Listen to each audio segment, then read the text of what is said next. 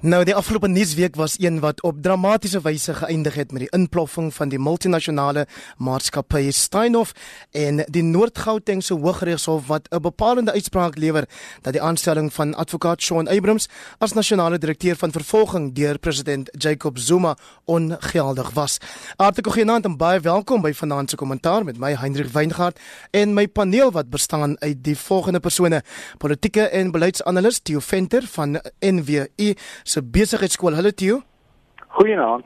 Dan het ons hier in die ateljee vir Dr. Aska van Heerden, hy's 'n kenner in internasionale betrekkinge en hy weet ook meer as ek in elk geval van wat in die binnekringe van die ANC aangaan, naand Oscar. Goeienaand, Henry. En dan saam met hom Gert van der Westhuizen, hy's 'n spesialis skrywer by Netwerk 24 en voormalige sportredakteur van Beeld. Hallo Gert. Goeienaand, Henry. Nou Theo, die finansiële fokusspan sal sekerlik hierna breedvoerig oor die Steinhoff skandaal praat, maar kom ons kyk daarna vanuit 'n politieke uh, vertrekpunt, soos die koerant opskrifte sou sê, radikale ekonomiese transformasie 1 wit monopolie kapitaal 0 stem jy saam? Ja ek stem. Heeltemal saam. Die die uh, gebeure die laaste week uh, in in soos jy reg sê die volgende program dink ek is meer gekwalifiseer om hieroor te praat, maar ek dink die politieke implikasie daarvan is dat ehm um, is op op 'n sekere manier is baie van die ehm um, twyfel wat daar in ANC geleedere en in verdere EFF geleedere in die smeer oor oor hoe ehm um, mense hulle in die besigheidswêreld gedra en die soort van invloed wat hulle uitoefen ehm um, het nou hierdie week eintlik op twee maniere baie aandag getrek. Een strek al van verlede week af en dit is Koos Becker se standpunt en houding uh en alles wat daarmee gepaard gaan en die tweede een was dan die die skielike en dramatiese induierstort van van die van die Steinhoff groep wat ehm um, geweldig skade aan Suid-Afrikaners die algemeen pensioenfonde die staat se eie beleggingsarm wat baie baie groot blootstelling daaraan het. En dit lyk vir my dat ehm um, as ek mense moet volg dan dan sit hulle drie groot ehm um, uh in duie stortings so in 'n in 'n ry na mekaar. Die eerste een is die bekende Amerikaanse Enron skandaal en die tweede een hier by ons was African Bank 3 of 4 jaar gelede en nou die Steinhoff groep. Ehm um, ek het vanmiddag vinnig weer gekyk na ons um, ons ons status op die wêreldekonomiese forum in terme van iets waar ons baie trots op was die laaste 10 jaar en dit is korporatiewe bestuur, deursigtigheid van korporatiewe bestuur en dis meer en ons het in die loop van hierdie jaar het ons van die top 10, ons was so derde in die meeste van die goed, het ons geval na in die 40s. So ek idee hierdie goed was eintlik aan die kom oor 'n periode, maar ons het dit nou waargemaak. Gert van der Westhuizen, korporatiewe Suid-Afrika het sekerlik nie hierdie klad nodig nie. Nee, Heinrich, ek dink nie dit dui alles daarop dat ons ons is ons morele kompas kwyt. Dit is dit is oral die geval. Mense is baie vinnig om die regering uit te trap as daar net die geringste ehm um, sprake van korrupsie is, maar korrupsie in die private sektor is al lank met ons. Dit kom al lank. Jy weet, daar's gereeld uh, samespanning, soos met die Wêreldbeker sokker toernooi, die, die ouens saamgespan het die konstruksiemaatskappy. Daar was samespanning oor die broodpryse, oor kospryse. Jy weet, dis dis ongebreidelde kapitalisme en dis 'n baie gevaarlike ding. Jy weet dit wil 'n mens jou Marx en Gramsci laat afstof dat jy weet bietjie net kan kan lees om hierdie ouens teen te werk. Maar jy weet, erns moet daar die mense ook aan bande gelê word. Jy weet, almal dink aan die regering en die mense wat omkoopgeld ontvang, wat van die ouens wat daai omkoopgeld betaal? Aske van hierdie maar as korrupsie ooit gering? Nee, Hendrik, en en en wat kan ek tog net sê, uh, jy weet die ANC konferensie is 'n paar dae van nou af. Ons weet die jong spanne in die ANC praat al reeds gekant teen white monopoly capital en hierdie tipe van ding gaan net uh, in in in in hulle hande inspel. Ek dink hulle gaan nou meer wil sê uh, in die volgende paar dae om te sê sien julle presies soos Gert sê, dit gebeur in die in die privaat sektor ook en tog lees ons en sien ons nie meer daaroor en dis dis eintlik 'n probleem. Die vind ek dit gisterand het ek vir aandele in Kitama raak geloop hier in Melville in Johannesburg en hy juig natuurlik oor hierdie Steinhoff nuus. Rapport se opskrif baie slim opskrif vanoggend sê wiese skuld is dit met verwysing na Dr. Christo Wiese natuurlik. Ja, um, ek dink uh, Black First Land First jy groot oor hierdie soort hierdie is die uh, um, ek dink Oscar het net gesê um, uh, jy jy twee goed aan die orde gestel toe die program begin het. Die die hofuitspraak waarby ons nog sal kom en nou hierdie ene die Steinhof debakel en ek dink beide van hulle 'n week voor die ANC se uh, konferensie begin gaan bepaalde invloed uitoefen en uh, ja, ek uh, ek dink dis waarvoor hulle gewag het. Nou kom ons verskuif dan die fokus na die hofsaak waarna jy nou verwys het. Hoe het dit gebeur dat die land Vrydag gewag het om te hoor wat die nasionale vervolger advokaat Sean Abrams gaan sê oor die voorleggings wat president Zuma se regspan aan hom gemaak het, dit nou oor die tiental bedrogklagte teen die president wat die hof vroeër beslis het heringestel moet word, maar toe die bomskok dat die Noord-Gautengse Hooggeregshof uitspraak lewer dat Abrams se eie aanstelling ongeldig is dat sy voorganger Mkolisi Ngasana se goue handdruk van 17 miljoen rand terugbetaal moet word en dat nie president Zuma nie, maar sy adjunk adjunk president Cyril Ramaphosa 'n nuwe vervolger binne 60 dae moet aanstel omdat die president self verkeerd gehandel het. Oscar van Heerden. Ja, kyk Heinrich, men baie mense praat nou eintlik van die feit dat uh jy weet hoe kan die hoe kan die regter nou dit nou gesê het van die daai daai power is nou natuurlik met die president. Hy stel eintlik die hoof aan, maar soos soos hy self sê. Dit is iets oor die uitspraak self. Die uitspraak nee, dat kyk, die uitspraak is is is is baie uh, relevant. Die aanstelling eerstens die feit dat jy vir Nkasana gesê het om te loop, ehm um, is verkeerd en natuurlik gegeewe die feit dat dit verkeerd is, die nuwe persoon wat jy aangestel het is ook verkeerd. En so daar's 'n daar's 'n 'n link daarso en so dit die hof sê en Kasana moet terugkom. Hy moet die geld terugbring en Sean Abrams moet sy sy sakke pak. So, en en en die goue handdruk gee van 'n Westhuizen van 17 miljoen rand. Het Suid-Afrika dan werklik soveel geld om so rond te gooi? Nee, Hendrik, veral omdat dit nie die enigste goue handdruk is wat al gegee is nie. Daar word gereeld goue handdrukke gegee. Jy weet, ek dink vandag se spotprent in die Sunday Times van Zapiro is nogal tekenend dit beeld president Zuma aan die bed uit en dan is Abraham se kop daar aan die bed soos in The Godfather, daai maffia rolprent. en dan maar ek dink dit wys vir jou, jy weet soos Jacques Pau ook nou gesê het, ons is op die rand daarvan om 'n maffia staat te word. Jy weet, en geld word rondgegooi. Dis ons geld. Jy weet, dis net hierdie ouens van die private sektor, hulle maak droog en lei belasting agter pensioenfonde daaronder. Net so word ons belastinggeld gemors en daar is so baie goed waarna Presies, dis 17 miljoen vir ja. Kasana, dis 31 vir Brian Molefe en ja. ek weet nie nog hoeveel geld vir anders nie, maar dis dit dit dit is eintlik 'n teken van nie leierskap wat geensins daar is nie. Ja. Theo Venter die leierskap wat nie daar is nie. Jacob Zuma. Wel, ek het um, die hofsaak baie baie intens deurgelees uh, en ek dink dit is 'n hierdie hierdie hofsaak en hierdie uitspraak gaan gaan nog 'n klassieke een wees want hulle gebruik die hofsaak om 'n kronologie te skryf en dan dan onderbreek hulle self om so nou dan 'n afdraai paadjie te loop, maar dan kom hulle weer mooi terug en hulle volg van die begin af tot die einde. En en uiteindelik is dit aan die aan die einde sê hulle dit in ek dink 10 of 11 ehm um, uit ehm um, stellings wat hulle wat hulle die uitspraak maak sê hulle ons het nie ons het nie 'n verswakte staat nie. Ons het 'n verswakte president want dit is die tweede keer dat 'n uitspraak gemaak word van hierdie aard wat sê die president is nie bevoeg om sy konstitusionele verpligtinge na te kom soos wat die grondwet voorskryf. Tuli Madonsela was die eerste wat gesê het meneer ons moet 'n kommissie aanstel, maar jy kan hom nie aanstel nie want jy is geïmpliseer en hier kom 'n volbank van Gauteng Noord se se Hooggeregshof en hulle sê amper presies dieselfde. Hulle sê omdat jy geïmpliseer is, kan jy dus nie jou konstitusionele plig uitoefen nie. Nou wil ek twee goed oor hierdie uitspraak sê. Die eerste ene is as daar 'n scenario homself afspeel, ons sal net nou daaroor praat, dat Cyril Ramaphosa miskien hierdie konferensie wen oor 'n week of twee. Ek sê af. Dan word hierdie 'n hofuitspraak van Vrydag word die ideale kapstok om 'n soort herroeping van Jacob Zuma te oorweeg. Um, ek weet die ander kant soek nog altyd vir waaroor sal ons die man herroep? Hier het hulle dit Vrydag op 'n skinkbord gekry. En die tweede ding wat vir my baie verbaas het, was dat ons um, ons ons ons uh, NP ons, ons wat die NPA, Sean Abrams, het um, op dieselfde dag wat die uitspraak gelewer is, het hy die middag um, 'n 9 bladsye betoog ingedien om te sê hy gaan appeleer. Nou hoe op aarde stel jy 9 bladsye op in die kwessie van 1 of 2 uur wat hy beskikbaar gehad het. Ehm um, Miskien kan Gert ons vertel, hulle kan vinnig skryf vir die koerante, maar ek het die idee, hy het die gevoel gehad hier kom 'n ding en my papierwerk moet reg wees.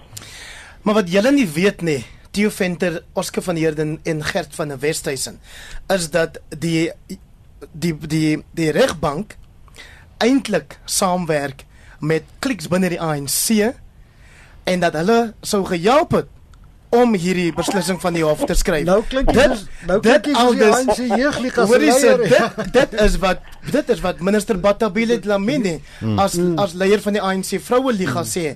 So reageer asseblief daarop. Ja, Hendrik, ek dink dis 'n baie baie gevaarlike uh, storie. Jy weet, dit is dieselfde en ek wil nou nie uh, cheap shots vat nie, maar as dieselfde ding by by by die gathering toe Msima Imani in Julius Malema probeer die indruk skep dat daar's probleme en fout met die IEC soos ons nou na 2019 se verkiesing toe gaan. Ek dink dis baie baie gevaarlik om om so te praat. Natuurlik in terme van die regs uh uh sektor, ons sê nie al die magistrate is, is skoon nie. Daar's mos maar altyd uh uh on onder onder ons is, maar om om te sê dat daar is uh, sekere regters wat gecapture is en hulle werk saam met die ANC. Ek dink dis 'n baie baie gevaarlike ding en en ek dink uh, die minister en anders moet stop met daai. Wat wat bedoel jy? Ek dink nie dis gevaarlik nie. Ek dink dit maak haar onbevoeg om president te word want die president is eintlik die beskermer van regssoewereiniteit van die rule of law. En dis onder andere wat die regters gesê het Vrydag. Meneer president, jy kan nie jou werk doen nie want jy verstaan nie hoe jy hierdie ding moet beskerm nie. En nou kom sy eksvrou en sy sê dieselfde, natuurlik in 'n koor saam met die jeugliga en 'n klomp ander mense. Sy is daarom nie die enigste een, Hendrik, wat hierdie goed gesê het. Ja, ek wil saamstem met jou Venter. Die feit van die saak is jy wat die regter probeer sê is dat daar 'n konstitusionele krisis. Hierdie persoon wat die president van die republiek is, word altans op die verkeerde kant van die reg gevind. En en wat moet ons dan maak as die konstitusie sê dis eintlik jou uh uh bemagtiging om hierdie mense aan te stel, maar jy stel idioote aan. Jy stel mense aan wat nou wat, wat so so daar's net fout. Gert, is dit onkunde of is dit asprisheid? Natuurlik is dit asprisheid, Hendrik, want jy wil mos nou die regbank onder verdenking plaas. Jy weet uh, daai leier van die ANC jeuglige die Ouros mannetjie het gesê, jy weet ons volgende ons volgende teiken is die regters. Jy weet dit is bitter bitter gevaarlik. En en want as jy sodra jy die onafhanklike regbank se integriteit onder verdenking plaas, dan dan ruk jy een van jou pilare van die demokrasie om. Jy weet in in, in steen nou reg opgemerk het in Oscar ook, jy weet, dis 'n baie belangrike uitspraak gewees uh, Vrydag. Maar hoeveel keer het die president nou nie al pak gekry in die hof nie, nie? En wat het gebeur? Ons het nog nie kon nog nie daarin slaag om van hom ontslae te raak nie. Hy slaag elke keer daarom daarin om dit te omseil. Die Venter verduidelik vir die luisteraars wat is die implikasies van dit advokaat Abrams nou appel aanteken? Wel, ehm um, dit dit die implikasie dat ehm um, hy nie dadelik sy pos hoef te ontruim nie want dit is die implikasie van 'n appel en um, die status quo word gehandhaaf. Maar die regters het dit in 'n sekere sin voorsien want hulle het ehm, 'n um, 60 dae tydperk daaraan gekoppel wat eintlik maar beteken het ehm um, hy uh, dit is twee maande. Dit moet met ander woorde aan die einde van Januarie begin Februarie moet dit moet dit gedoen word. Ek dink hulle het dit voorsien. Hulle is nie ehm um, ek dink mense uh, verstaan nie altyd nie. Wanneer die regters hierdie uitspraak lewer dit is 'n vinnige uitspraak dan hou hulle konferensies met mekaar. Met ander woorde die drie regters wat saam die uitspraak geskryf het sal ure lank onderling hierdie saak met mekaar bespreek het en die praktiese implikasies soos wat ons met die SASSA saak gesien het. Um dit het 'n diep dit het dit sny diep in die uitvoerende gesag in en die hof is baie sensitief om nie gesien te word dit wat hulle nou daarvan beskuldig word dat dit dat dit judicial overreach dat dit juridiese oor oor of of ingryping is verder as wat hulle moet nie maar ek dink nie hulle het 'n keuse om dit te doen nie En nou Gert van der Westhuizen word die naam van advokaat Tuli Madonsela, voormalige openbare beskermer, reeds rondgegooi as 'n moontlike nuwe nasionale vervolger en die gedagte word selfs deur Julius Malema leier van die EFF gesteun. Ja kyk, sy is natuurlik baie gewild omdat sy so vreesloos was na daar as openbare beskermer. Ek weet net nie of iemand daar gaan teruglok uit die um, wêreld van die akademie nie en om so 'n pos te vat wat jy die heeltyd in die spervuur is nie dit hang natuurlik af wie die nuwe leier van die ANC word en of die president herroep gaan word wat dalk 'n ander situasie sal skep. Maar almal dink natuurlik hy sal pyk wees in in so 'n rol veral nadat Shaun Abrams hom nie eintlik uh, onderskeie daar nie. Oscar van Heerden kan 'n mens verwag dat wanneer hierdie uitspraak wel in werking tree indien die appel nie slaag nie dat adjunk president Cyril Ramaphosa onafhanklik sal optree of sal hy eintlik maar moet praat met die man wat tans nog president is van die ANC en van die regering Nee, ek dink hy sal hy sal tog met uh, eh, konsultasie moet doen. Moet nie noodwendig met die president nie, maar definitief in terme van die top 6 in die ANC, ehm um, sekere uh, en, en dit is natuurlik nou die party, maar ek dink hy sal hy sal 'n proses van konsultasie moet ingaan om te besluit of indien hy nou dit kan doen, ehm um, en wie die beste persoon gaan wees, maar tog dink ek hy sal nie noodwendig saam met die president praat nie. As jy pas by ons ingeskakel het, het jy nou kommentaar Sondag aande se aktualiteitsprogram hier op RSG. My naam is Hendrik Weingart en my paneel vanaand Dr. Oscar van Heerden. Dis sy stem wat jy nou laaste gehoor het, saam met hom Gert van der Westhuizen op die telefoon. Theo Venter vir wie ek nou gaan vra, wat is die implikasies van Vrydag se uitspraak vir die ANC se komende verkiesingskonferensie? Nou 6 dae weg, hoor, nie 2 weke soos wat jy vroeër dink ek gesê het nie. 6 dae. Ja. Ja, 6 dae. Wel, dis nog nader as ek gedink het. Dis eintlik 5. Nee, die Wel, 5 sê Gert. Ek dink ek het veral twee goed wat ek opgetel het in die laaste dag of twee en dit is um, die eerste een is die die die Cyril Ramaphosa kamp sterk in die lug want hulle voel hulle man het nou die soort erkenning gekry eintlik op 'n statutêre manier wat hulle nog altyd gedink het hy behoort te hê want ons moet onthou die adjunkt president in Suid-Afrika het 'n konstitusioneel baie moeilike posisie. Dis een van die min adjunkt presidente in die wêreld wat nie ook verkies word saam met 'n president um, in terme van die uitvoerende gesag nie. Hy is eintlik as mens as mens dit moet vergelyk met ander lande is hy 'n soort van 'n senior kabinetslid eerder as die Amerikaanse president wat werklik saam met Trump gekies is en en 'n ander funksie het. So dis hoekom uh, Zuma om kon uh, um, uit die kabinet uitlaat wanneer hy wou op sy eie prerogatief en die vrese was 2 of 3 weke in die media dat hy dit wou doen. So hulle is sterk in die lig. Ek dink die Zuma kamp is besig om nou kole te gooi om te sê maar ons gaan hier moet stop. Hier gaan ons nou weer ons gewone regspanne moet kry. Ons moet appel aanteken wat reeds gesê het hulle gaan aanteken, maar ek dink die Zuma presidentskap het weer eens ehm um, nog 'n uh, 'n uh, terugslag gekry, maar ek dink beide Gert en Oscar het albei al gesê terugslag in die Zuma konteks 'n baie relatiewe begrip. Ehm um, die grootste terugslag wat hy waarskynlik tot nou toe gehad het was in Kandla. Meeste van ons het gesê die president is op sy knieë want hier sê die konstitusionele hof nee Zuma jy kan nie jou werk doen nie jy moet die geld terugbetaal en hy kom amper ongeskonde daaruit. Dit so lyk dit ten minste in sy optrede en ook die mosie van wantroue wat wat ook 'n groot hou was wat hy vroeër vanjaar gehad het toe minstens 30 ANC-lede saam met die oppositiepartye gestem het ongeskonde aan die kant uit ten minste so lyk dit van buite af. Oscar van Heerden, jy het vroeër gehoor dat Theo verwys het na die moontlikheid van die herroeping van die president na die leierskapkonferensie. Dit is iets wat ek dink baie waarnemers verwag behoort te gebeur indien Cyril Ramaphosa wen. Wat gebeur indien hy nie wen nie? Indien hy nie wen nie en Kossazana wen, dan is dit maar meer van dieselfde. Ehm um, ek dink uh hulle ons hulle almal besef dat uh, in die volgende 2 of 3 maande, ek dink hy gaan natuurlik nou die parlement en die en die die land aanspreek in terme van die uh, State of the Nation in Februarie en dan kort langs daarna dink ek gaan daar praat wees van hy moet nou aftree en hy moet maar nou een kant toe skuif want dan is al die die die beklemtoning is nou op die verkiesing van 2019 en ek dink uh, sy kamp self uh, Kossazana weet as hy voor in die lyn staan en sy gesig wat op die uh uh die posters gaan wees en so en dan gaan hulle in gevaar wees. So ek dink hulle gaan kan ek jou hierop kan ek jou hierop net 'n vraag vra. Kyk, die sleutel in hierdie kwessie wat jy nou aanspreek is eintlik hoe word die uh, nasionale uitvoerende komitee die NEC saamgestel want hulle gaan daai besluit moet neem. So as 'n mens nou 'n uh, vreemde soort uh, scenario skets dat Cyril Ramaphosa wen die presidentskap, maar die nasionale uitvoerende komitee is half 50-50 verdeel tussen die twee kampe. Dan sit jy ook amper met 'n verlamming, nie waar nie?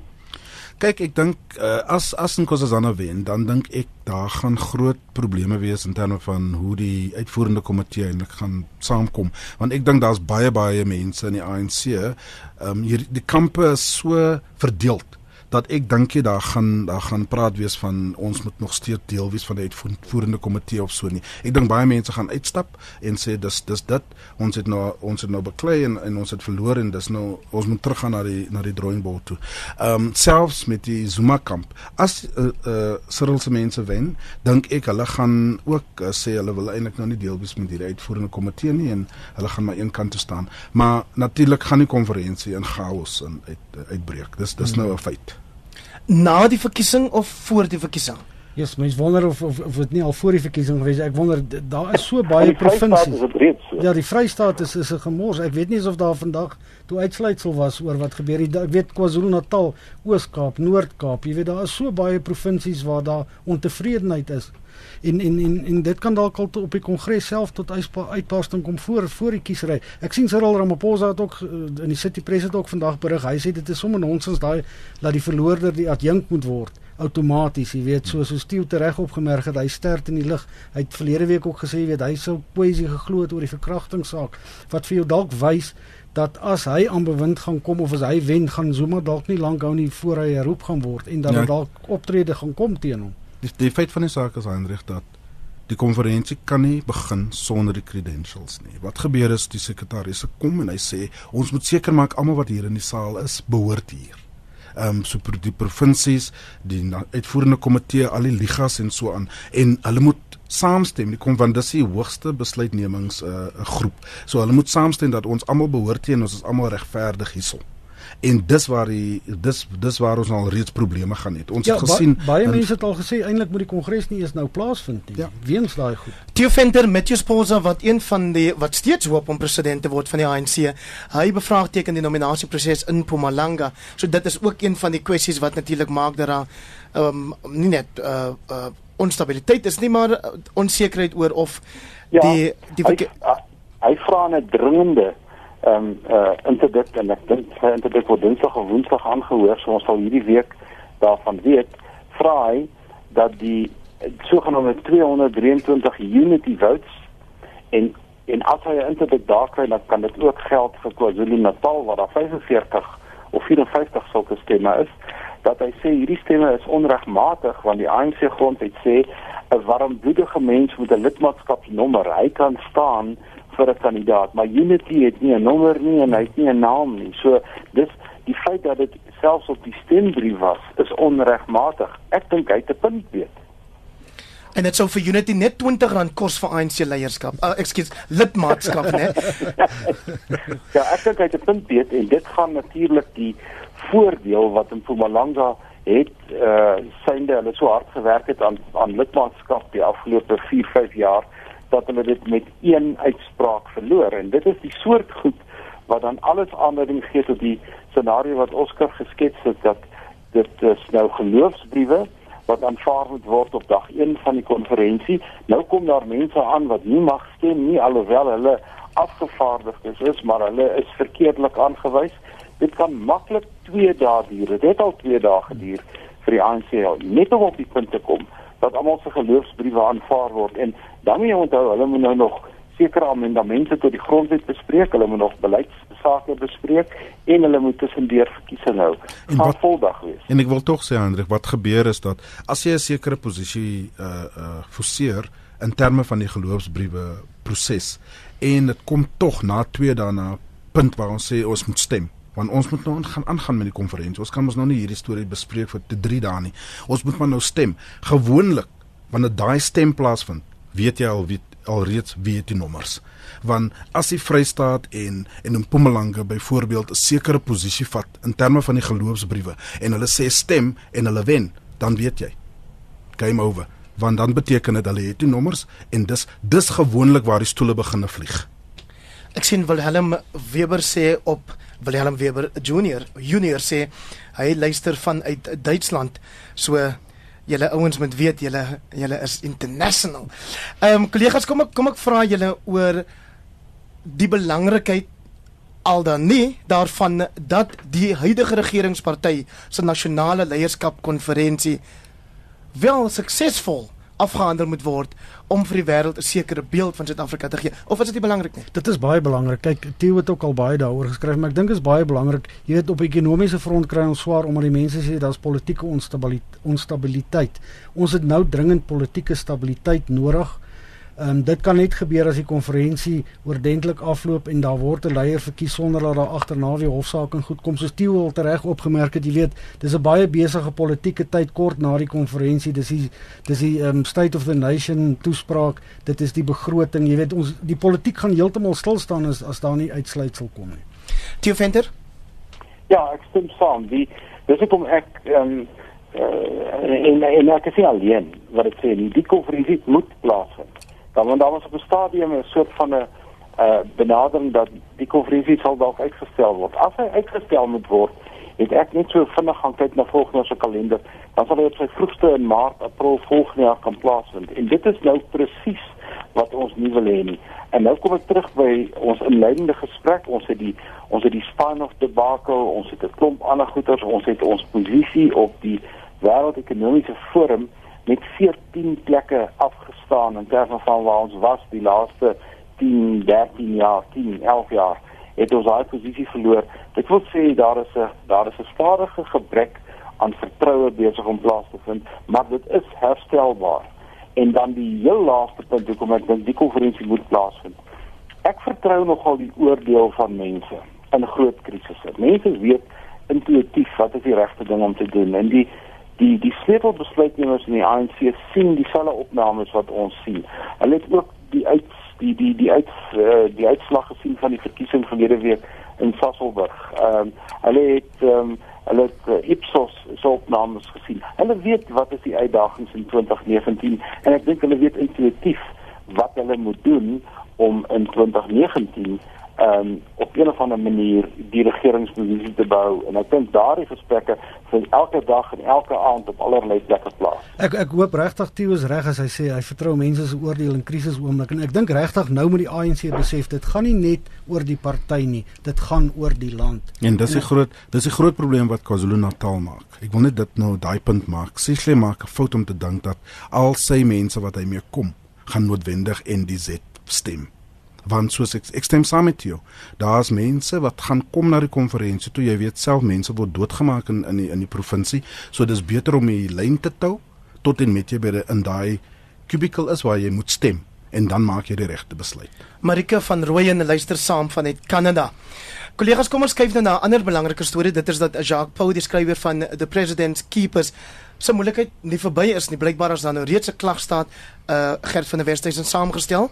Eers was hy en 'n ander joernalis Pieter Louis Meiburg skrywer van 'n ander topverkoper die Republic of Gupta hoor hulle moet hulself by 'n polisiekantoor in KwaZulu-Natal gaan aanmeld. Belangrike provinsie daai lyk dit my.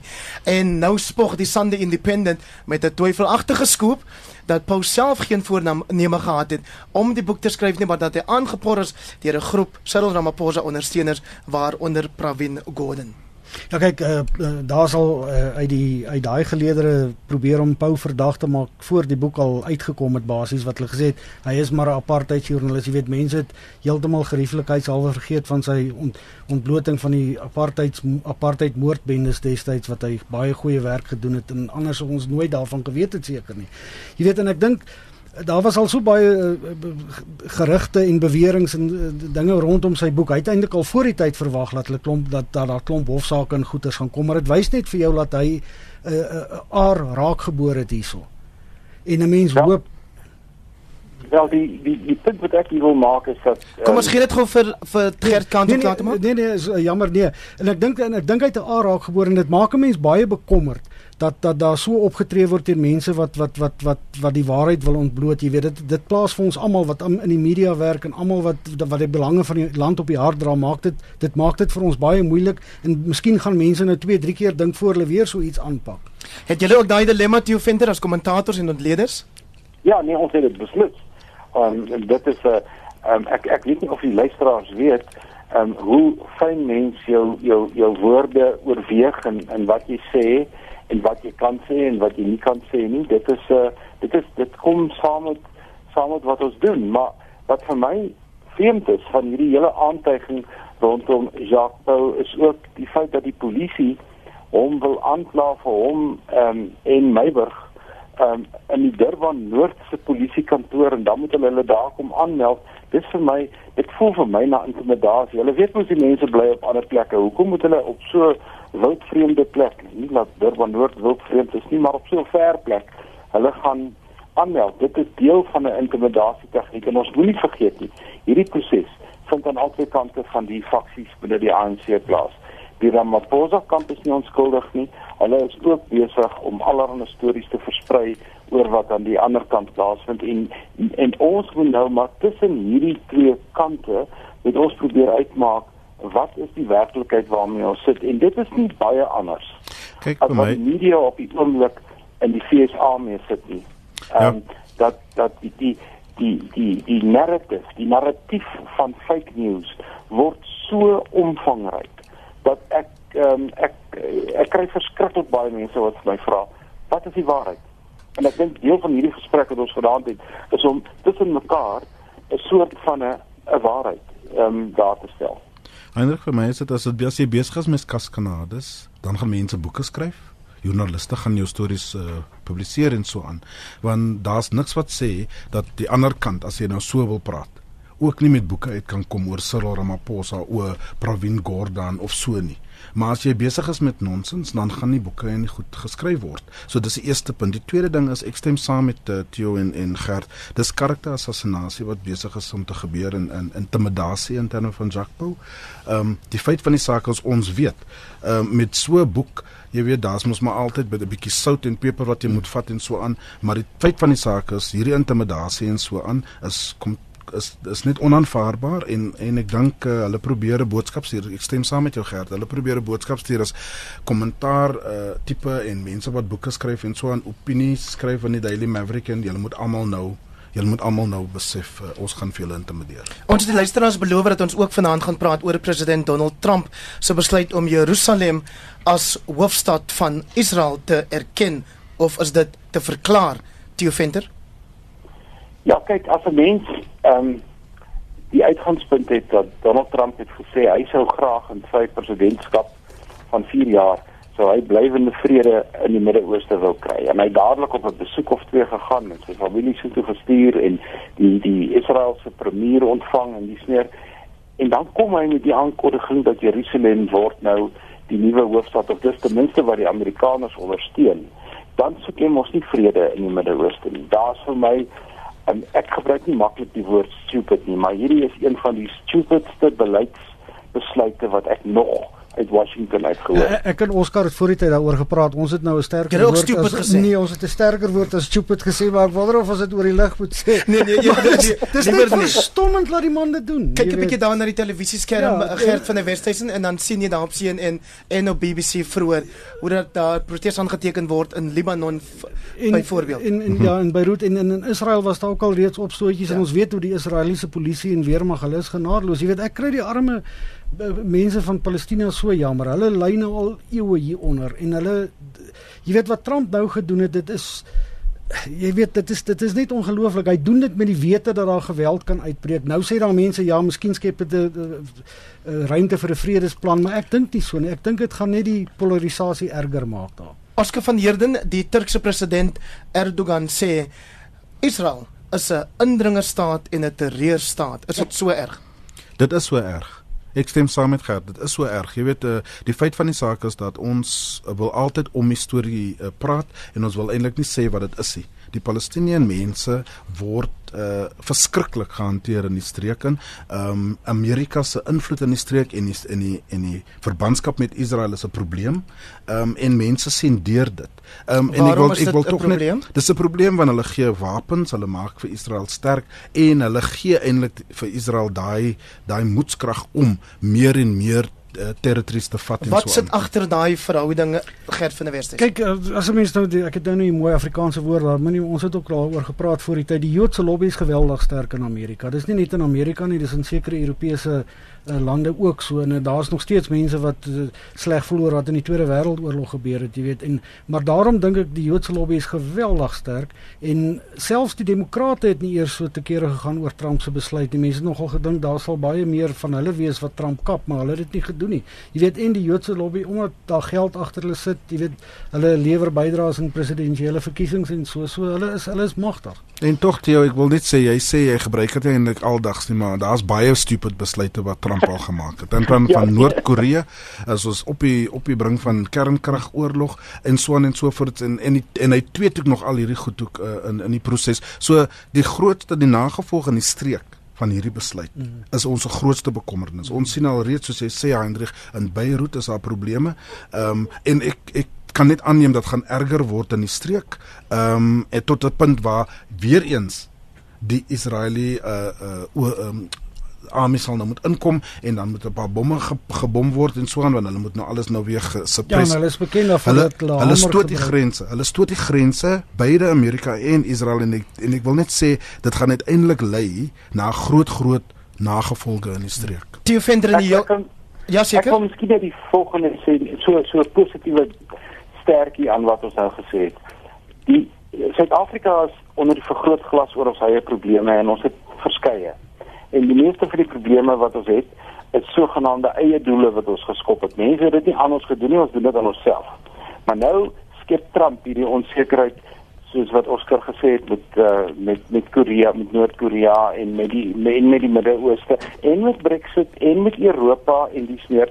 En skielik is die wêreld se aandag op onsekerheid in die breë en kom ons nog selfs 'n bietjie weg met alles wat in die land aangaan. Want baie keer vra die mense hoe op aarde is dit dat die rand versterk terwyl ons besig is om droog te maak. Dit is omdat die groot investeerders in die wêreld, hulle die groter prent en in die groter prent is Suid-Afrika 'n baie klein spelertjie en dit is tog so hier en daar ons redding. Gert van der Western, wat is die groot storie wat julle sal dop hierdie week? Dit sal maar uit die aard van die saak die ANC verkiesingskonferensie wees Heinrich. En niemand kan nou eintlik voorspel wat aangaan nie alhoewel mense sê hulle dink Ramaphosa loop so kort kop voor. So kom ons kyk. En dit sê hulle op grond van die nominasieproses Oscar van Heerden, maar ek dink Theo het ook vroeër gesê, jy kan nie daarna kyk en dink dit is hoe die stemproses sal uitdraai nie. Geensins. I mean, jy weet, das as dat, ons praat van tussen 300 en 500 uh uh delegate wat natuurlik nou die verskil maak. Ehm um, daar gaan klomp geld in die ronde uh, stap en so aan, maar tog dink ek dat die beleid is van die geld en stem met jou met jou hart. Theo vind jy gaan die konferensie self bywoon, is dit nie? Ek gaan die konferensie self bywoon en bietjie daar sit inskryf en ek gaan hierdie week ook die uitspraak dophou of daarmee behalwe vir die vir die vir die uh, interdikt wat Matthew Sposa aanvra het die regters gesê hulle maak uitspraak op die saak voordat die ANC konferensie begin oor daai ander groot hofsaak wat einde eind of gedurende November plaasgevind het. So dit mag ook in hierdie week 'n uh, uh, dinamika aan die proses gee op pad na die 16de Desember toe. Hendrik, ek wil tog net een klein dingetjie sê en dit is dat al verloor Cyril Ramaphosa. Ek dink die mense moet moedeloos word nie, want al wat kan gebeur is ons demokrasie gaan sterker word, want mense gaan besluite neem om die, om daai ANC te challenge. En nou daar's 5 dae oor, jy moet net nie laat wees vir die konferensie nie kollegas moet jy dit oor die lig kollegas kan ek kan ek julle op 'n ligte noot vanaand groet. Ehm um, Monty Makanya wat die redakteur is van City Press het in sy rubriek vandag geskryf oor of 'n artikel geskryf oor wat hy reken die verveligheid is van wanneer 'n uh, uh, dokter Nkosazana Dlamini Zuma toesprake lewer erger of omtrent dieselfde sê ehm um, sê hy as haar voormalige man ehm um, Jacob Zuma en dan hierdie deel waar hy sê wanneer sy praat dan sal dan sal karre bots op die hoof op die snelweë want die motoriste sal in die slaap raak. Die die die die blare van die bome sal bruin raak in die middel van somer en die moeders van pasgebore of klein babietjies sal bly wees dat hulle van self in die slaap geraak het. Ek groet hier namens die kommentaarspan vanaand Oscar van Heerden, Gert van der Westhuizen en Theo Venter